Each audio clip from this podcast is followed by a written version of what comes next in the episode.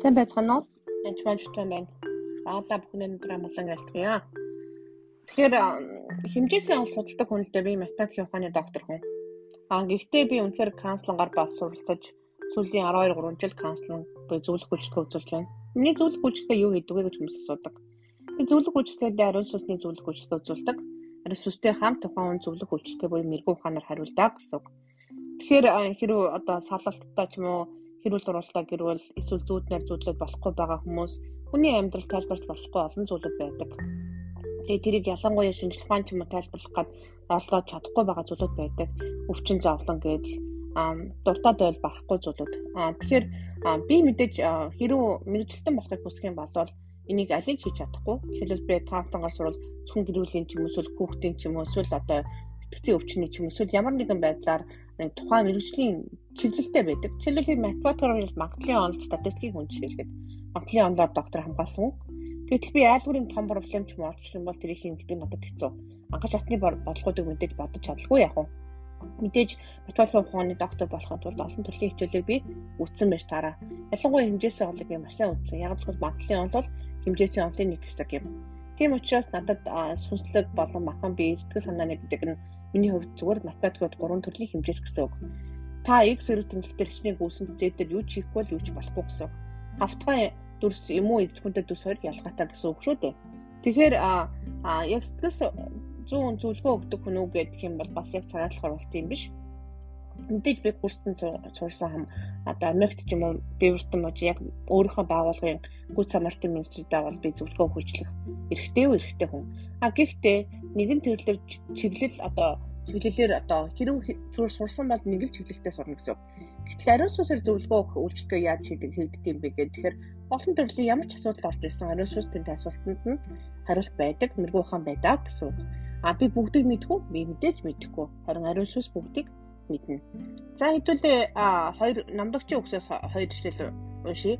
Намлагчийн үгс 3.11 бүх юмтер тухайн цагт нь сайн сайхнаар бүтээсэн бөгөөд хэдийгээр хүн бурхны үйлдсэн ажлыг эхнээс нэцэг нь хүртэл ойлгохгүй ч гэсэн тэр тэдний зүрхэнд үрд мөнхийг байгуулсан билээ. Тэгэхээр бид бурхан бол олон хэмжээс тогтворгод амьдардаг. Бид бол хэдхэн хэмжээст. Тийм болохоор бурхны тухай мэдээллийг ойлголтыг үнэхээр мэдэх заримдаа бүрэн боломжгүй байдаг. Тийм учраас би чадахгүй мэдэхгүй зүйлээ би үнэхээр чадахгүй байна. Цаг хугацаа харуулах байлгүй дээ. Та библийг уншаарай ч гэдэг юм уу. Гэх тохиолдолд барагтаал гардаггүй л дээ гэхдээ тэг тохиол бас байдаг. Тэгээ тухайн хүн үнэхээр өөрөө хичээгээ зүтгээд ардталт нь ямар ч байсан би бурхны үг амьд бөгөөд бурхантай хамт байхад ардталт нь гарна. Тэрхүү ухаан заавал хариултыг олж өгдөг гэдэгт би бүр итгэдэг. За цааш нь уншиг номлогчийн үс 3-ийнхаа 12-оос 14-ийг хүмүүсийн хувьд амьдрах хугацаанд сайн сайн нэг үйлдэл хийгээд баярлаж багтахаас илүү дэрэмгэж огт байдаггүй. Болохыг би мэдсэн. Хэрвээ хүн идэж уух хийгээд эрхэлж буй бүхий л ажилдаа сэтгэл хангалттай байх аваас энэ нь бурхныг билэг буюу Бурхны хийсэн болгон үрд мөнгөд үлдгийг би мэдлээ. Түүнд нэмэх буюу түүнээс хасах юу ч байхгүй аж. Бурхны ийм ажилтгийн учир хүмүүс түүнээс эмээхэн тулд юм. Тэр бурхан үнэхээр төгс төгс байх нь л дээ. Бурхан биднийг үнэхээр гайхамшигтайгаар бүтээсэн байна. Аа тэгэхээр бид энэ бүхнийг бурхныг мэдэх тусмаа бид бурхнаас эмээхийн учир юм байгаа. Тэгэхээр бурхнаас эмээхийг би үнэхээр эрхэмлдэг хүн. Яагаад гэвэл бурхнаас эмээхгүйгээр бид нэр одоо эрх зураараа болж хурна гэсэн үг. Яг бол эцсийн цаг мөчид бид нэг шүүгдэн шүүлтийн хүн зогсохдоо муугачлаа шалтгуулна. Тэгээд үнэхээр имээхгүй амьдрах юм бол муу мухаг хийжэл тоохгүй байна гэсэн үг, гим хийжэл тоохгүй байна гэсэн. А гэхдээ би айдтай амьдрдаггүй юу? Үгүй ээ, би огт айдаггүй. Ялангуяа муус усаас бол бүр айдаггүй. Ихэнх хүмүүс айд заримдаа зарим газар очихоос хүртэл айдаг. Тэрнээс айдаг, энээс айдаг гэж ярьдаг л та. А би урд нь айдаг байсан янз янзын айдтай байсан. Усан живсэн айдс байсан, согтуунаас айх айдс байсан, эртэн ардаас таах айдс байсан. Янз янзын хүлээцүүд надад байдаг байсан. Одоо би бүхний танин мэдэх тусмаа үнэхээр гэрэл харанхуйгаас айдгүй байна. Гэрэл ойртоход харанхуй угаасаад алга болдог.